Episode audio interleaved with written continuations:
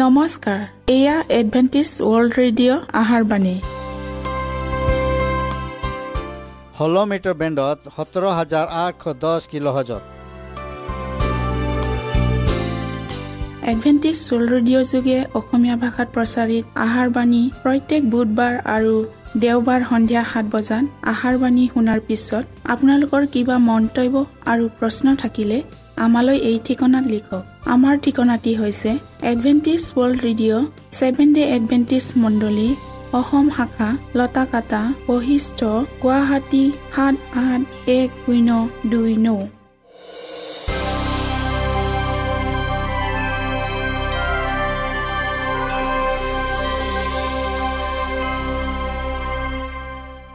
প্ৰিয় শ্ৰোতা বন্ধুসকল এতিয়া শুনো আহক এটি খ্ৰীষ্টীয় ধৰ্মীয় গীত।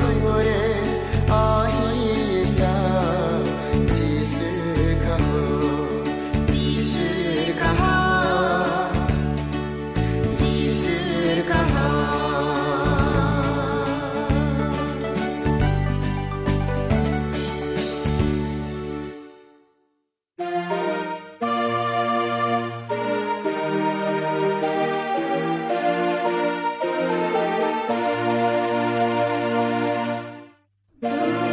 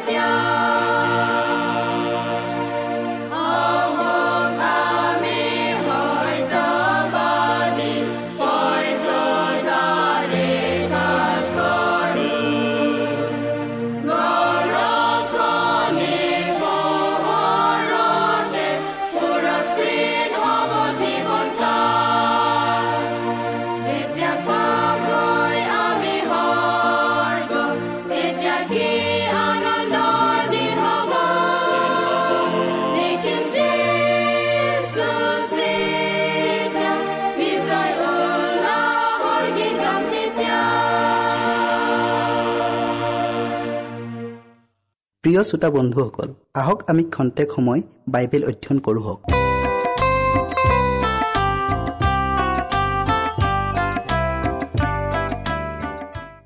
আজিৰ আমাৰ বিষয়টি হ'ল খ্ৰীষ্টৰ অংশীদাৰ। বাইবেল পতি লোৱা হৈছে জহন পোন্ধৰ অধ্যায়ৰ পাঁচ পদ। ময়ে দ্ৰাক্ষালতা তোমালোক ডাল যিজন মোত থাকে আৰু ময়ো যিজনত থাকোঁ সেইজন বহু ফলৱান হয়। কিয়নো মোৰ বাহিৰে তোমালোকে একো কৰিব নোৱাৰে। আমি প্ৰাৰ্থনা কৰোঁ হওক। সেই অনুগ্ৰহৰ দাতা প্ৰভু তোমাৰ অনুগ্ৰহৰ দ্বাৰা এই সুন্দৰ আবেলিত আমি আকৌ লগ পালোঁ। ধন্যবাদ প্ৰভু তোমাৰ অনুগ্ৰহ আৰু আশীৰ্বাদৰ বাবে। হে প্ৰভু এতিয়া তুমি আমাৰ লগত থাকা আৰু পবিত্ৰ আত্মা দান কৰা। বিষয়টিলৈ জানিবলৈ আমাক জ্ঞান আৰু বুদ্ধি দিয়া। এই চুটি যাচনা ত্ৰাণকৰ্তা প্ৰভুৰ যীশুৰ নামত খুজিলোঁ। আমেন। পৃথিৱীৰ অন্তিম কাল অতি ওচৰ। মণ্ডলীৰ যিবোৰ ব্যস্ত আছে সেইবোৰ ঠিকমতে সজাই তুলিবলৈ ঈশ্বৰে মণ্ডলীক আহ্বান জনাইছে। ঈশ্বৰৰ কৰ্মচাৰীসকল আপোনালোক প্ৰভুৰ দ্বাৰাই শক্তিশালী হৈ উঠিছে যাতে আপোনাৰ লগতে আপুনি যেন আনকো স্বৰ্গ ৰাজ্যত নিবলৈ সক্ষম হয়। আপুনি ঈশ্বৰৰ জীৱন্ত অনুচৰ জগতৰ বাবে পোহৰৰ পথ দেখাওঁতা হ'ব লাগিব। আপোনাৰ চৌদিশে থাকি আপোনাক ৰক্ষণাবেক্ষণ দিবলৈ কৃষ্টই স্বৰ্গদূত বাহিনীক আদেশ দি ৰাখিছে। আৰু লোকসমূহৰ পৰিত্ৰাণৰ কাৰণে কাম কৰিবলৈ ঈশ্বৰে আপোনাক শক্তি সাহস আৰু উৎসাহ যোগাই আছে। আপুনি জগতৰ পৰা পৃথকে থাকি জগতৰ অনুৰূপ নহৈ জগতত এক উল্লেখনীয় চৰিত্ৰ প্ৰদৰ্শন কৰা। মাত্ৰ এয়াই নহয় ধাৰ্মিকতাৰ সূৰ্যৰ উজ্জ্বল ৰশ্মি প্ৰতিফলিত কৰা আৰু নিজে পবিত্ৰ শুদ্ধ আৰু নিষ্কলংক হৈ বিশ্বাসৰ পোহৰক ৰাজপথলৈ আৰু পৃথিৱীৰ চুকে কোণে সম্প্ৰসাৰিত কৰা। অনন্ত কালৰ বাবে যাতে আৰু পলম হৈ নাযায় তাৰ বাবে মণ্ডলীবোৰ সময় থাকোঁতে সাৰ পাওক প্ৰতিজন সভ্য সভ্যাই নিজৰ ব্যক্তিগত কামবোৰ কৰক আৰু যি নামেৰে প্ৰভুক মাতা যায় সেই নামৰ মৰ্যাদাক অক্ষুণ্ণকৈ ৰাখক। এলেহুৱা সৰুপা আৰু অবিশ্বাসী স্বভাৱ গুচি সেই ঠাইত আন্তৰিকতাপূৰ্ণ ধৰ্মনিষ্ঠা আৰু গভীৰ বিশ্বাসৰ স্বভাৱে বাহ লওক। যেতিয়া বিশ্বাস কৃষ্টৰ ওপৰত তিতাপি থাকে তেতিয়া সত্যতাই মানুহৰ জীৱনলৈ আনন্দ কঢ়িয়াই আনে।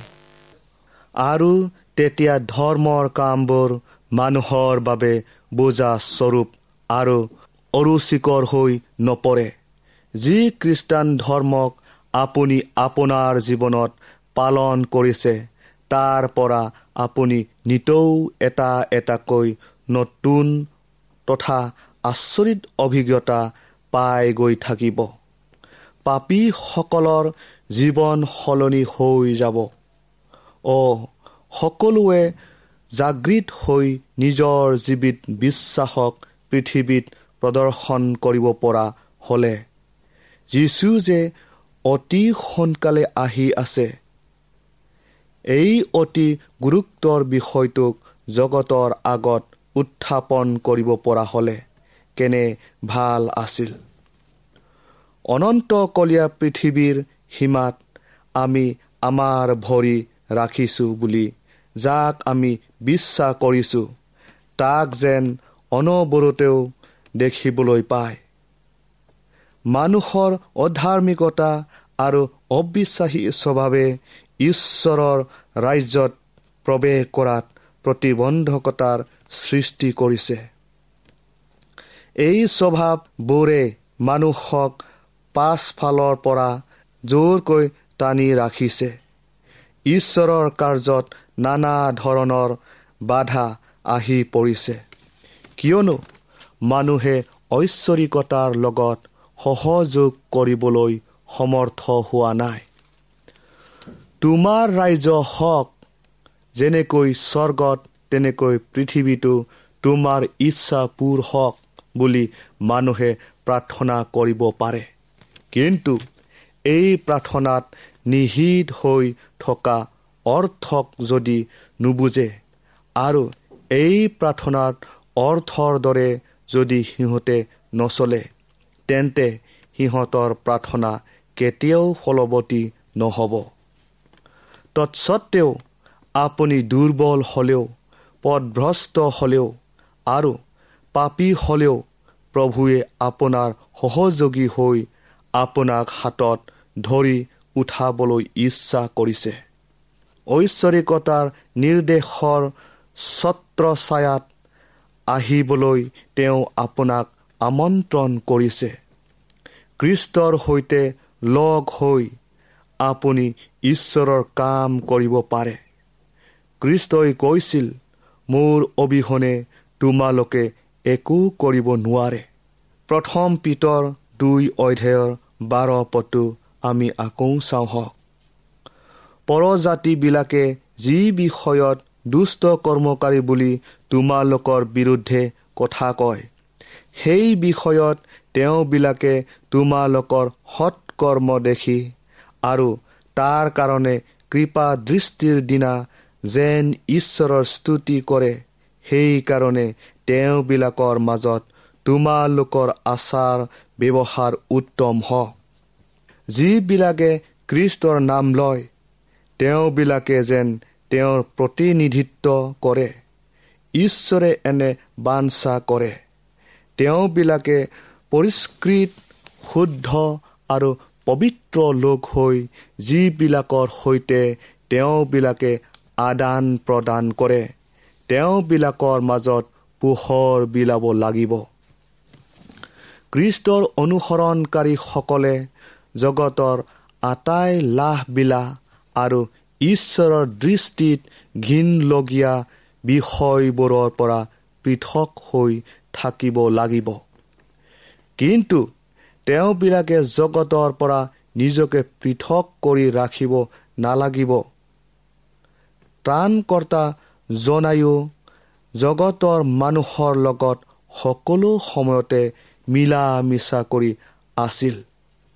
সিহঁতক ঈশ্বৰে বেয়া পোৱা বিষয়বোৰত উৎসাহিত কৰিবলৈ নহয় কিন্তু ঈশ্বৰৰ ইচ্ছা দৰে চলিবলৈ সিহঁতক সমৰ্থবান কৰি তুলিবলৈহে সিহঁতৰ লগত মিলা মিছা কৰিছিল।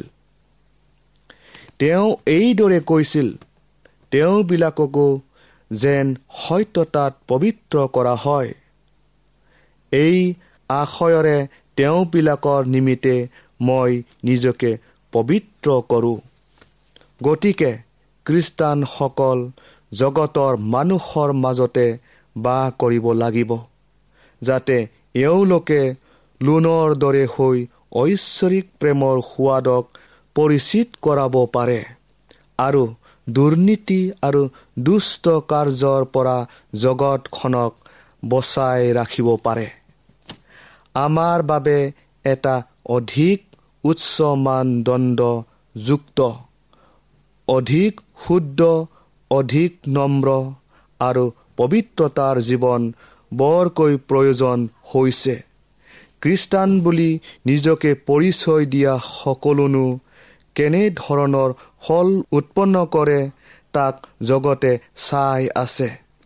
বাইবেলৰ ধৰ্ম লোৱা লোকবিলাকৰ মতি গতি আচাৰ ব্যৱহাৰ ভালেই হওক বা বেয়াই হওক তাৰ প্ৰভাৱে কিন্তু আমাৰ চাৰিওফালে বা আন মানুহৰ মনবোৰত ৰেখা ৰেখাপাত ৰেখাপাত কৰিয়েই আছে। আনফালে ঈশ্বৰ আৰু স্বৰ্গদূতবিলাকেও ইয়াক চাই আছে। ঈশ্বৰে বাঞ্ছা কৰে। তেওঁৰ লোকবিলাকে যেন তেওঁবিলাকৰ জীৱন যাত্ৰাৰ দ্বাৰা খ্ৰীষ্টানৰ আটাই সৎগুণবোৰ জগতত দেখুৱাই দিয়ে আৰু তেওঁবিলাকে যে এক উচ্চ পৰ্যায়ৰ আৰু অতি পবিত্ৰ আঁচনি এখন কাৰ্যকাৰী কৰিবলৈ কাম কৰি আছে তাক যেন দেখুৱাব পাৰে। যি সত্যতাক তেওঁবিলাকে গ্ৰহণ কৰিলে সেই সত্যতাই যে তেওঁবিলাকক স্বৰ্গীয় ৰজাজনৰ সন্তান কৰি তুলিলে তাক যেন জগতক দেখুৱাব পাৰে। এই কাৰ্যটোক ঈশ্বৰে চাবলৈ ৰৈ আছে। যি নলেৰে ঈশ্বৰে প্ৰাচুৰ্যতাৰে নিজ প্ৰেম আৰু কৰোণাক ঢালি দিব পাৰে তেওঁলোকে যেন তেনে নলত পৰিণত হ'ব পাৰে তাক তেওঁ কামনা কৰিছে। প্ৰিয় শ্ৰোতা বন্ধুসকল প্ৰবল উৎসুকতাৰে খ্ৰীষ্টই বাট চাই আছে। তেওঁক যেন তেওঁৰ মণ্ডলীত প্ৰদৰ্শন কৰা হয়। যেতিয়া ত্ৰাণকৰ্তাজনাৰ চৰিত্ৰ তেওঁৰ লোকবিলাকৰ গাত সম্পূৰ্ণভাৱে উৎপন্ন হ'ব আৰু পৰিস্ফুট হ'ব তেতিয়াহে তেওঁ তেওঁলোকক নিজৰ লোক বুলি সম্পূৰ্ণকৈ দাবী কৰিব পাৰিব। প্ৰিয় শ্ৰোতা বন্ধুসকল তেওঁ কেৱল বাট চাই থকাই নহয় তেওঁক আদৰি আগবঢ়াই অনাৰ সুবিধাখিনিকো প্ৰতিজন খ্ৰীষ্টানে পাব। যিসকলে তেওঁৰ নাম লয় তেওঁবিলাকে যদি সঁচাকৈয়ে ফল ধৰা হ'লে তেন্তে কিমান সোনকালে জগতত শুভ বাৰ্তাৰ বীজ সিঁচৰিত হ'ব পাৰিলেহেঁতেন। তেতিয়া অতি সোনকালে পকা শস্য কাটিবলৈ পোৱা গ'লহেঁতেন আৰু খ্ৰীষ্টয়ো সোনকালে আহিলেহেঁতেন। ঈশ্বৰে আমাক সকলোকে আশীৰ্বাদ কৰক।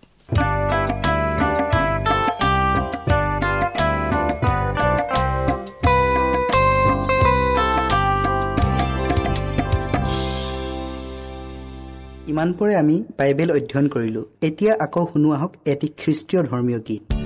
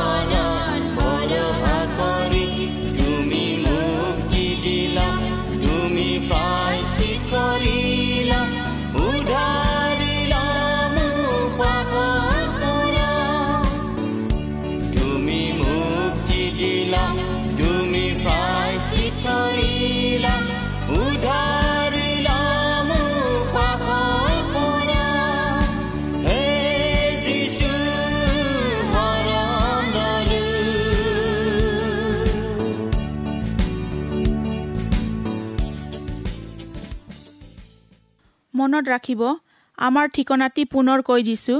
Adventist world radio' Assam region of seven day Adventist voice of hope Latakata Basistha Guwahati seven eight one zero' two nine প্ৰিয় শ্ৰোতা বন্ধুসকল এডভেণ্টিজ ৱৰ্ল্ড ৰেডিঅ' যোগে আহাৰবাণী প্ৰচাৰত আপোনালোকক পুনৰ লগ পোৱাৰ আহাৰে আজিলৈ সামৰিলোঁ। ধন্যবাদ।